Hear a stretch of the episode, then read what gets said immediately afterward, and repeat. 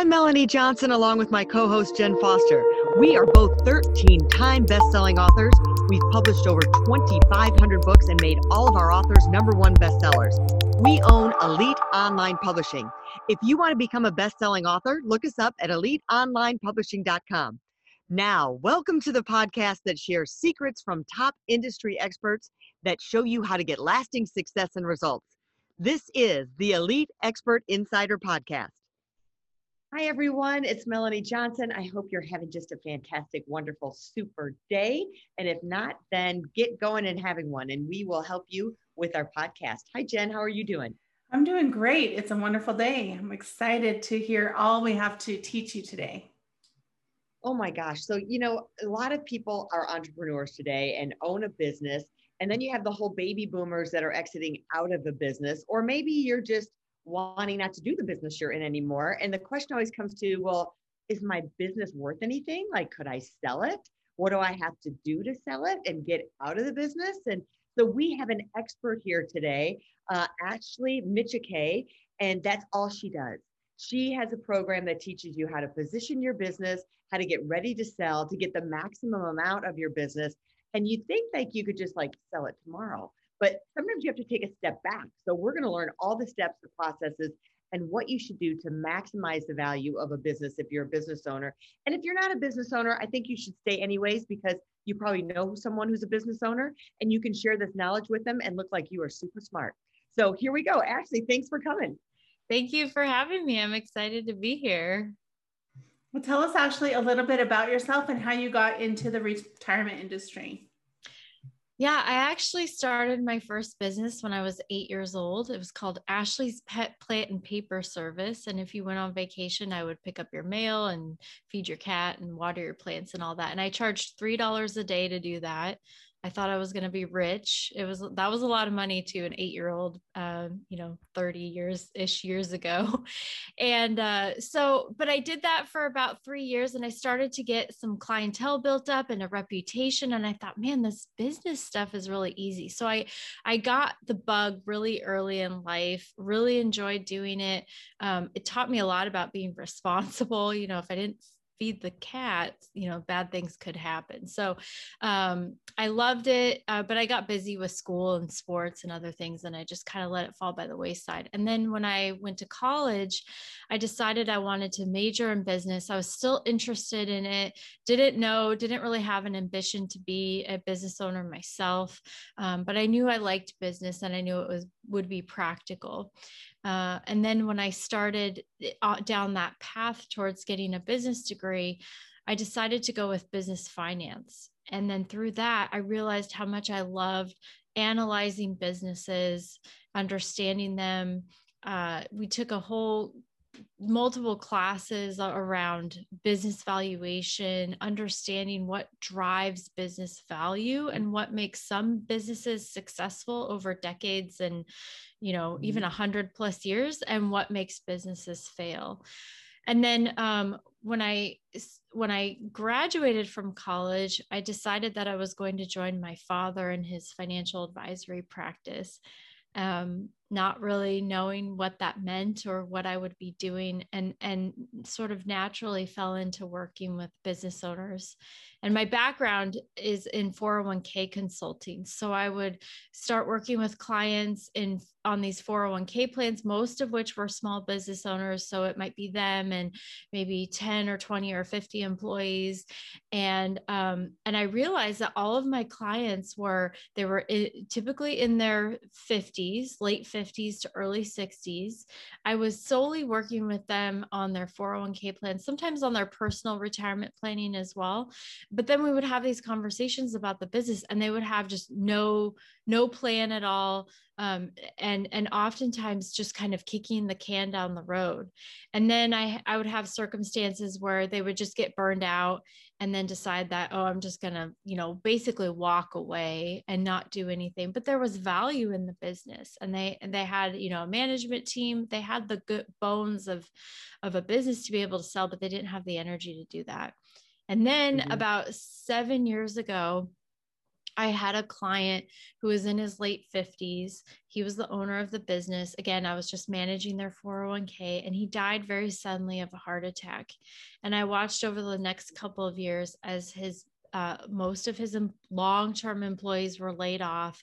His his spouse had to come in and run the business. She hadn't previously been involved in the business so she was plunged into like this kind of chaotic time of trying to save the business and keep it going grieving her uh, dead husband. I mean it was just awful and i realized through that that there were things that he could have done to kind of shore the business up and, and make sure that it could last beyond him. And that's really the key of exit planning is how do you remove yourself from the business and how do you make sure that your business has value without you? Whether you know you just want to step back and maintain ownership. A lot of business owners decide that that's what they want to do or exit completely and just be done with it. So our job is really to create the that roadmap that allows business owners to take those steps necessary to exit their business whatever that looks like um, to them because it is different for everybody. You know that's almost a great plan even if you're planning to keep your business to have your business run without you. Um, mm-hmm. um, jen and i keep saying we need to be more of not just the coach of the team but the owner of the team up in the box skybox and watching the football players on the field right we have to stop being the players not being the quarterback or being the coach but being the owner up in the the skybox and running things that way uh, one of the main things it sounds like the first thing you have to do is to create a value in your business and make sure that the business doesn't depend on you. How do you create, uh, like if you walk into a business, you had said, what do I de- need to grow the value of my business? So, what are those first steps that someone should do, or you come in and, and do? Like, if you were going to work with us, you, what would be the first things that you would do and tell us that we would need to do? Great question, Melanie. The very first thing that I would do walking in would, with every business owner would be we need to figure out what your business is worth.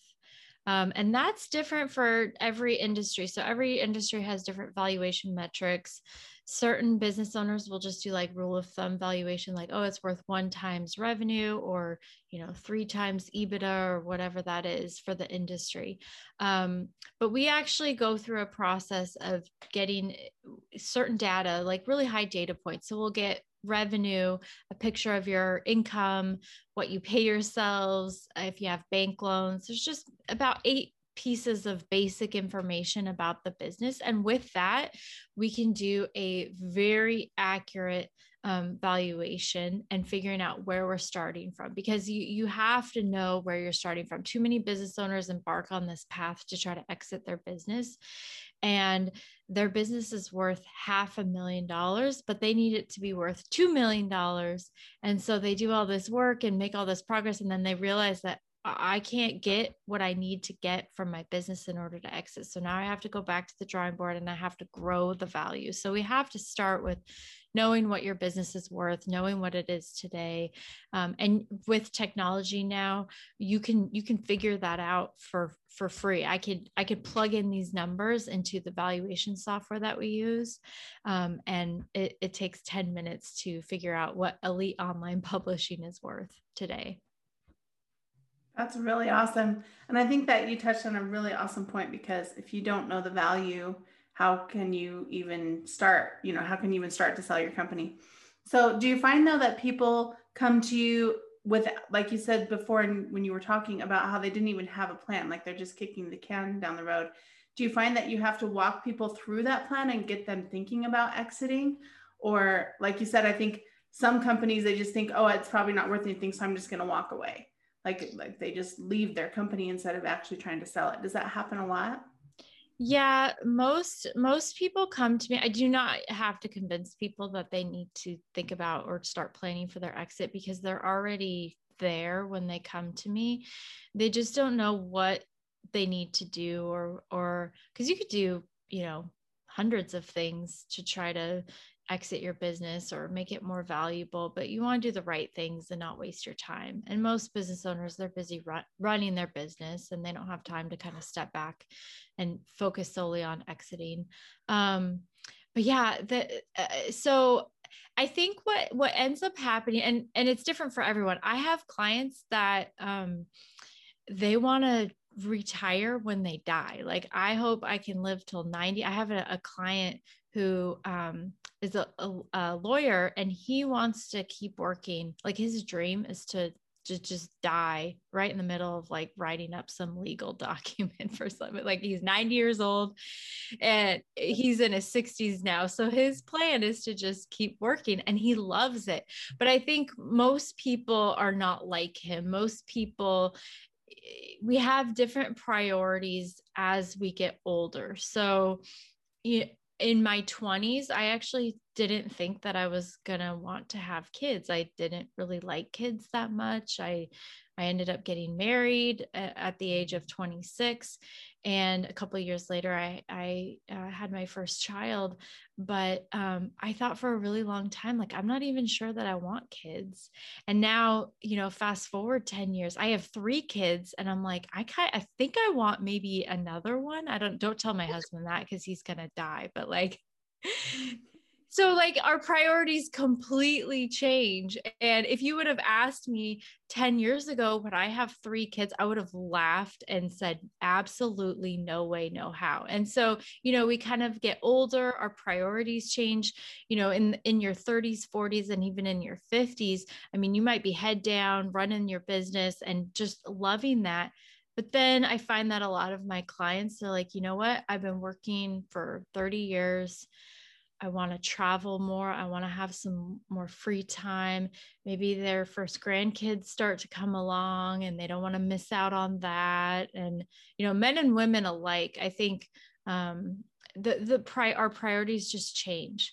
And so I think for most people, even if they really like what they're doing, they, they don't want to be working in the business 40, 50, 60, 70 hours a week anymore at that point. So we have to figure out what is what does that look like? And and i think some people get scared by exit because they think i don't want to leave my business altogether. I don't want to retire. And that's fine.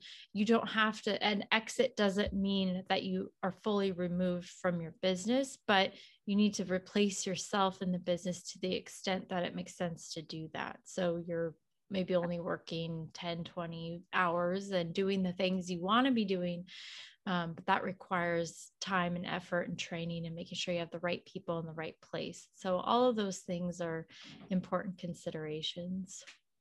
Yeah, you can cash out, I would imagine, like sell to someone, and part of the deal, how you structure it, is that you get to stay on in some capacity, even still earn a salary, and um, like you say, do the things that you love to do and design your life for that next uh, next chapter of it. So let's walk through. Okay, we've got our business we're thinking we want an exit plan, where we're looking at, say, five years or three years, what are the things that we have to do to make our company more value? Is it a, you know, lower expenses, increase revenue, add more assets? I mean, what are those key things? Yeah, all of those things. yeah, so ideally, uh, top line revenue and bottom line income are the primary drivers of value uh, no matter what industry you're in. So, eh, what whatever you can do to increase revenue uh, and decrease expenses and, and make that profit margin larger is going to increase the value of the business pretty much across the board. Now, of course, for all your business owners listening, I would kind of roll your eyes at that, like, yeah, easier said than done. and it is it's a lot easier said than done. But it's industry specific too so it's looking at opportunities um, and what exists where where does it make sense to expand and grow? Some business owners are in an industry that is not growing. Um, it's in an maybe you're in a dying industry. I i had a um, a client that was in an industry where pretty much everything in their industry was being outsourced to China. They were manufacturing, and there was no way mm-hmm. they could compete any longer. And so they were just kind of taking the business as far as they could with the intent of closing those doors someday because they just didn't see any opportunity. And that unfortunately may be the reality for certain businesses. And so sometimes you can pull, there's always levers you can pull. Can you pull levers in the business to increase the value of the business that will result in you selling it for what you need? Or can you pull levers outside of the, the business? Like maybe if even though it's a it's a dying industry or a slow growing industry you still have decent cash flow. Um, the business is still profitable. So, what can you do to kind of increase the assets that you have? Maybe you're not putting everything back in the business, but maybe you're maximizing what you're saving in the 401k plan or doing a profit sharing plan or, or increasing the value of, of your retirement assets outside of the business. But increasing the value of the business, I mean, th- there's a lot of the standard recommendations out there would be like, um, where where I usually start with clients is do you have systems processes and procedures or does everything live in your head? Most of the time there's too much that lives in the head of you as the business owner or your uh, employees. But if you have those systems processes and procedures down it, it, it it's a higher transferable value to somebody who's going to buy it. Um, some businesses i talk to they have like three big clients or customers and those make up like 90% of their revenue that's not mm-hmm. good either so diversifying client base diversifying revenue streams um, i mean the, the, it, it is industry specific but there's lots of things i work with dental practices and so one of the the, the things we look at there is how can we incentivize more more patients to pay with cash versus going through insurance because that revenue stream is more attractive when they're looking to sell the business. So it's varied. and usually business owners have a good sense of what their options are to to grow value. It's just a matter of well, here I am, my business is worth X today. I really do need it to be worth Y. And how can I close that gap? Mm-hmm. Yeah. And I like the, um, you know, Oh, go ahead, Jen. You had a question. I think I was just going to say, I was just going to say, you know, we haven't really touched on this yet, but everything you're saying is so good. I think we could talk about this forever. Mm-hmm. Um, but one one thing that it looks like you're an expert at too is minimizing taxes. And with the tax laws changing all the time and new administration coming in and out every four years, or you know, eight years or whatever it is, um, you know, do you help people with that? And how do you maximize that in your business by minimizing your taxes and making, like you said, your profit margins go higher? Yeah that is a it's a it's a big issue um, and so i'm not a tax advisor my husband is actually a cpa so sometimes i'll like run stuff by him and get his free advice. I'll be like, what do you think about this? Um, but yeah, it's so so the Tax Cuts and Jobs Act uh, was passed and signed into law in late 2017, I believe. And so that was like a huge overhaul of, of taxes, a lot of things impacting businesses. Um, and a, a key component of that was uh, so the lifetime exclusion, if you want to transfer a business to somebody and you're married, you can transfer a business that's worth 10 million, 20 million dollars and do that tax free under the current tax law. But now we have this new administration and taxes are likely to be going higher. You know, Biden campaigned on a lot of these things. They have some specific proposals that they've kind of laid out. And uh, eliminating some of those capital gains taxes, which impact businesses, uh, or even like not eliminating them, but like eliminating the current kind of benefits that you have, or increasing capital gains taxes, increasing estate taxes, um, lowering that lifetime exclusion that allows you to transfer millions of dollars tax free. So I always uh, I, I really I, am having some real conversations with a lot of my clients right now who have family businesses because now is a great time to to do that. I don't think taxes are going to go up in 2021. I could be wrong, but we're still coming out of this pandemic. I don't think it's good PR for the Biden administration to raise taxes when we're still kind of in this recovery mode. But certainly when the economy is on more solid footing, I think then they'll look to implement some of the tax proposals. So now is the time if you have a family business and you want to transfer and gift some of that business value to that next generation. Uh, and and they're ready to handle the ownership and you're ready to kind of give up some of that control and ownership i would not wait to do that yeah, and I love the advice you gave earlier. It's just great advice is how do you create more assets in your business? Making sure you have processes and systems. Jen and I have been working on that, getting all of that automated. And um, so uh, my advice is, which was given to us, everything you do, make sure you have a PDF, you have a video of, it's documented in some way, it's on a landing page. So every time we're doing something, someone asks a question like, oh, add that to the process, make a process about that. And then I want to ask you, you know, some businesses like ours, um, you know, there's no um, barrier to entry. Anybody can go start a publishing company. Um, and how do you value that versus something that maybe is more specific, right? Or more like I used to own TV stations. So TV stations, right? You could only have so many broadcast TV stations get licensed by the FCC. So the, the value was much higher perceived um, because limited amount of license, only so many people got approved. So versus like, you know, like you say, one time or three times EBITDA, it was like 10 to 15 times um, mm-hmm. the values because there's only so many. So how do you make yourself special? Because there's so many digital in our world, there's a lot of digital people making digital courses and all that stuff. How do you make yourself more valuable when there is no barrier to entry, like being a coach and things like that?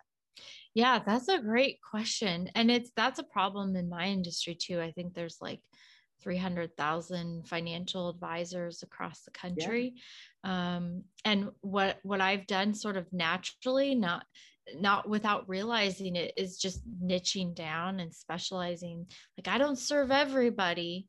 If you have a pulse you know i'm not necessarily the right person for you. But if you're a business owner who's getting close to retirement and you have a pulse then i can help you. And so that's a very different thing. So niching helps a lot understanding um, you know the what your strengths are your weaknesses um, part of what goes into evaluation are things like what you talked about where the, barriers to entry or maybe you have some intellectual property um, sort more of a specialized service. I think certainly with the right buyer that can be very attractive and command a premium um, in terms of value. Now if your niche is so small that there's like three potential buyers in the world for your business, then that can be a problem on the other end. So, kind of finding that middle ground. Um, but yeah, the more specialized you are, the more you can differentiate yourself from your competition, the more you can identify yourself and be, become known as, as someone who has this particular niche all of those things help evaluation too but they're they're harder to kind of nail down and, and pinpoint um, but but typically they will command a, a premium. That's awesome.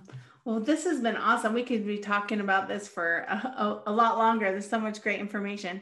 But Ashley, tell people where they can go to find more information about you if you company. go to yeah so if you go to truenorthra.com forward slash value my business we have a free valuation tool and I have provided checklists so you can gather eight high level data points about your business. And then we provide access to a free tool. It's a valuation software that there's like 50 million businesses in this database. You plug in what industry you're in, um, and then the, the those eight pieces of data like revenue pre-tax income et cetera and it will tell you very accurately what your business is worth today so it's it's completely free. There's no strings attached. You can go and and grab that valuation tool and the link to be able to do that on your own. We're definitely going to do that. What fun that is just to do it just to see what it is. Every business should do that just to get an idea.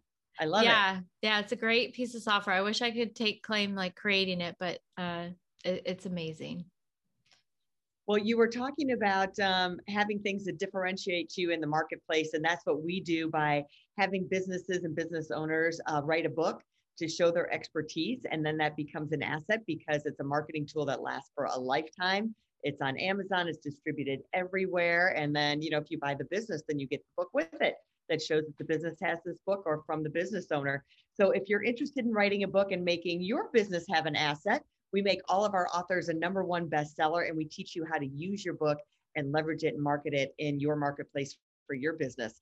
So we hope you got a lot out of this podcast. We did, and uh, we'll see you next time. Thanks. Bye, Ashley.